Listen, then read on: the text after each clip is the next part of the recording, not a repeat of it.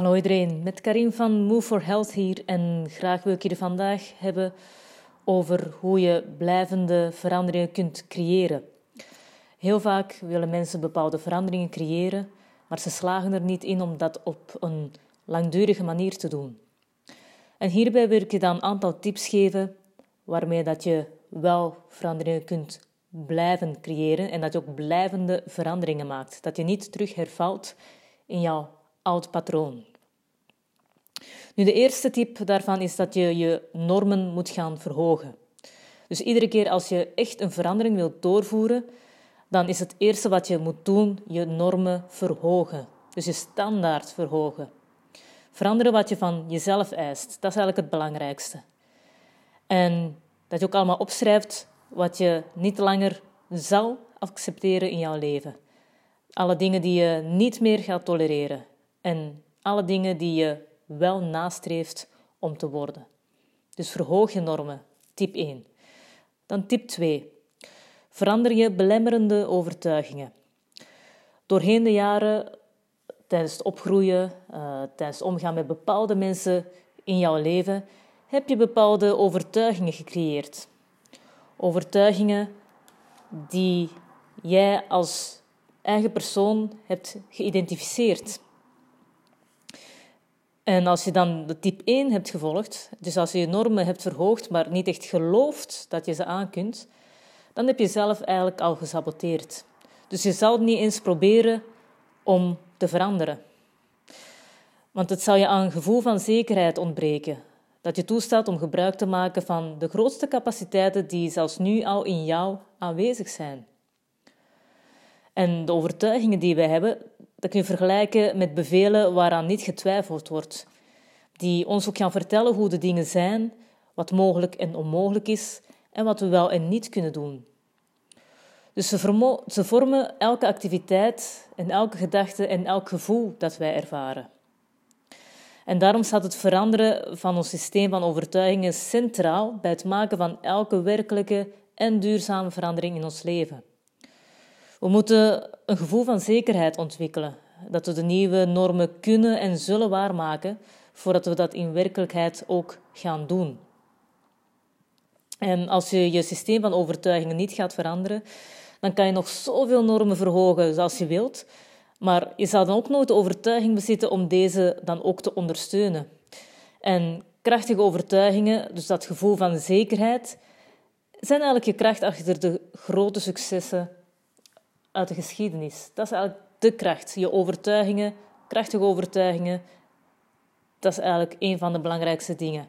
Dus als je belemmerende overtuigingen hebt, zorg ervoor dat je de overtuigingen die je nodig hebt om dingen waar te maken, dat je die steeds opnieuw en opnieuw voor jezelf herhaalt. Totdat je jezelf ook daadwerkelijk in gelooft dat het zo is. Nu, de derde tip die ik aan jullie wil geven, is dat je je strategie moet veranderen. Dus als je hogere normen stelt, dan kun je, en je kunt jezelf ook ertoe brengen om daarin te geloven, uh, dan kun je ook wel de strategieën ontwerpen voor jezelf. Dus je zult gewoon wel een manier vinden om het ook waar te maken. Hoe dan ook. Het kan, kan zijn dat je een paar keer valt uh, en daarin mislukt en daarin fout, maar je blijft opnieuw en opnieuw en opnieuw wegen zoeken om het toch um, tot werkelijkheid te brengen. En het laat je dan ook strategieën zien om de klus dan ook te gaan klaren. En het beste manier om dat te doen is een voorbeeldpersoon voor jezelf uh, voor te stellen. Of um, je kiest iemand uit uit je omgeving die voor jou een voorbeeld is. Die jou kan laten zien wat nodig is om te komen tot waar jij wilt komen. Iemand die jou reeds de resultaten behaald heeft die jij wilt behalen en vervolgens ook daarvan te gaan leren. Het is modelleren eigenlijk, kun je het noemen. Je kopieert gewoon exact hetgeen dat jouw voorbeeldpersoon doet en gedaan heeft in het verleden om te komen waar hij of zij nu staat. Dus leer daarvan. Leer van wat hij aan het doen is, wat zijn kernovertuiging is en op welke manier dat hij denkt. En daardoor word je niet alleen maar doelgerichter, maar het zal je ook heel veel tijd besparen, omdat je het wiel niet opnieuw hoeft uit te vinden. Dus je kunt het geheel wat fijner beginnen af te stellen, het misschien wat hervormen en misschien zelfs verbeteren. En in het leven weten heel veel mensen wat ze moeten doen, maar die zijn, er zijn erg weinig mensen die ook werkelijk doen wat ze weten. En daar zit ook een heel groot verschil. Dus weten is eigenlijk niet voldoende. Je moet ook daadwerkelijk actie ondernemen om dingen te gaan veranderen. En door, te, door gebruik te maken van strategieën die je eventueel met een coach, uh, als je met een coach samenwerkt, ja, door gebruik te maken van de strategieën die je dan ook met je coach deelt, kan je je prestaties onmiddellijk drastisch verbeteren. En soms vertelt jouw coach jou ook niets nieuws, maar hij herinnert je slechts aan wat je al lang weet en laat je dat dan ook daadwerkelijk uitvoeren. Want coaches die hebben zich jarenlang gericht op een specifiek ervaringsgebied en ze hebben geleerd zich voortdurend te onderscheiden wat belangrijk is voor het behalen van snellere resultaten. Nu, er zijn wel uh, vijf gebieden die het meeste invloed op ons leven hebben, die je verandering al dan niet kunnen ondersteunen. Misschien kunnen die gebieden ook jouw, um, jouw verandering in de weg zitten. En de eerste daarvan is je emotionele beheersing. Emotionele beheersing. Dus het beheersen van deze les alleen al zal jou een heel eind op weg helpen, uh, op weg brengen naar het beheersen van de, de andere vier die ik zo meteen ga vertellen. Dus stel dat je wil afvallen, denk dan even na. Waarom wil je afvallen? Alleen maar om wat minder vet op je lijf te hebben? Of wil het vanwege het gevoel dat je verwacht na het kwijtraken van die overtollige kilo's? Wil je jezelf meer energie en vitaliteit geven? Wil je jezelf aantrekkelijker maken voor anderen? Uh, wil je meer zelfvertrouwen? Wil je meer trots? Uh, denk eens na. Waarom wil jij afvallen, bijvoorbeeld? En weet dan ook letterlijk alles wat wij doen, doen wij omdat wij ons prettiger willen voelen. Dus letterlijk alles wat wij doen, doen we omdat we ons prettiger willen voelen. En toch hebben de meeste van ons geen enkele training gehad in hoe we dit snel en effectief kunnen doen. En het is ongelooflijk hoe vaak wij onze beschikbare intelligentie gebruiken om onszelf in negatieve emotionele situaties te gaan manoeuvreren en talloze aangeboren talenten te vergeten die ieder van ons reeds bezit. Vandaag had ik nog met een klant erover hoe spijtig dat hij vond dat hij iemand kende die zo getalenteerd is in het spelen van gitaar, maar dat hij er niks mee doet. En soms vergeten wij welke talenten dat wij hebben.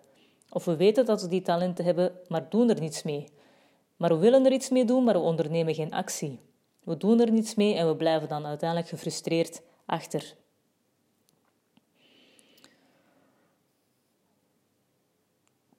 Dus emotionele beheersing, dat is stap 1. Dan fysieke beheersing. Nu, is het de moeite waard om alles te hebben waar je ooit van droomde?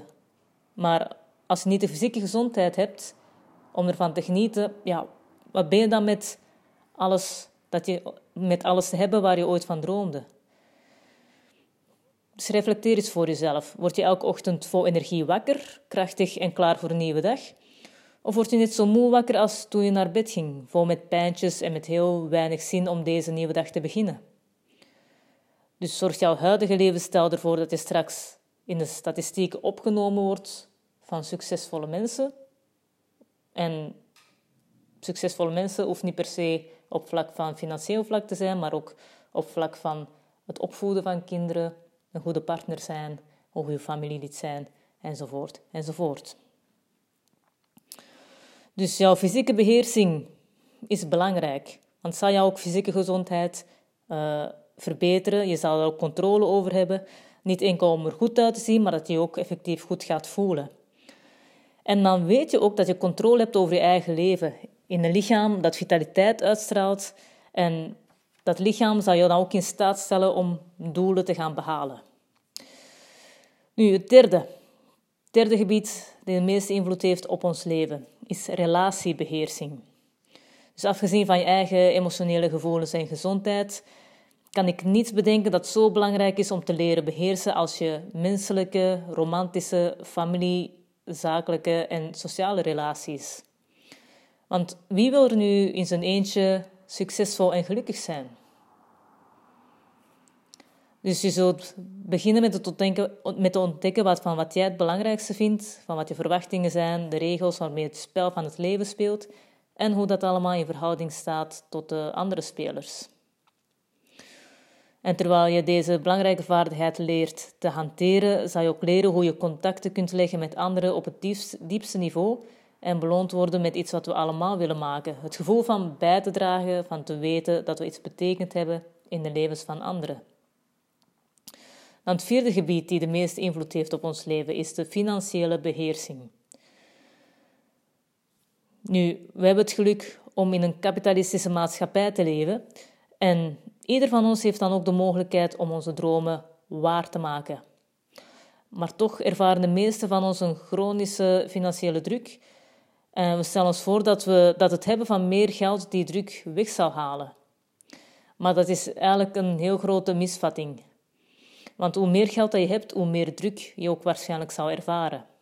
Dus de oplossing is niet het simpelweg nastreven van rijkdom, maar het veranderen van je houding en overtuiging hierover. Zodat je het ziet als een bijdrage aan geluk in plaats van de allesomvattende oplossing voor het bereiken ervan. Dus je zou ook moeten leren hoe je datgene kunt veranderen wat schaarste in jouw leven veroorzaakt.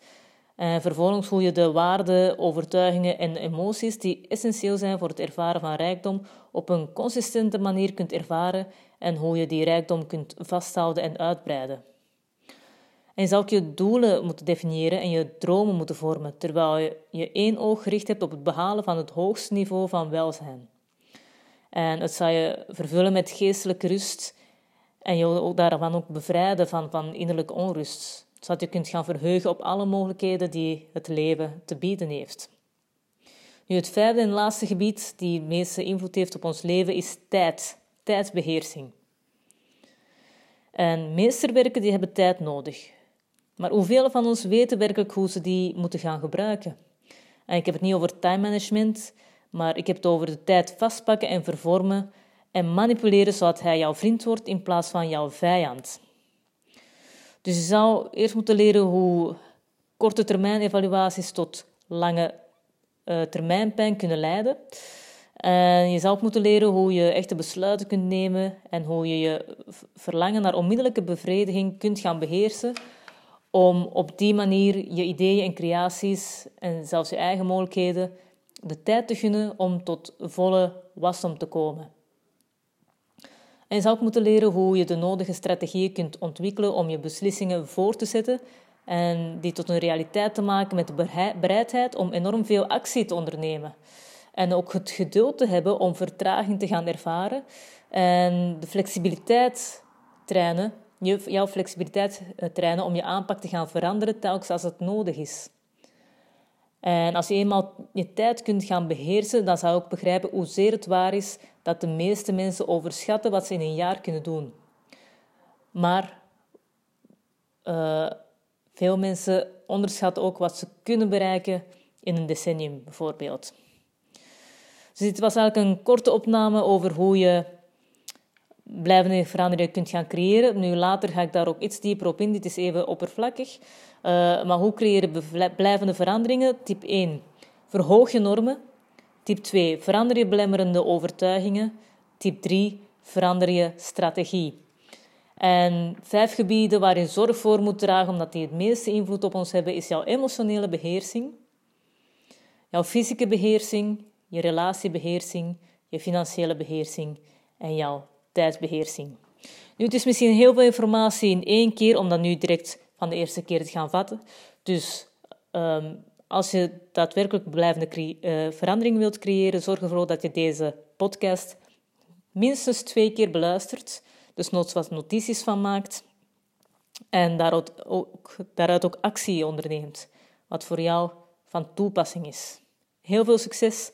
En als je vragen hebt, dan hoor ik het graag. Stuur mij een mailtje als dat nodig is. Of laat een berichtje achter. Heel veel succes en tot de volgende keer.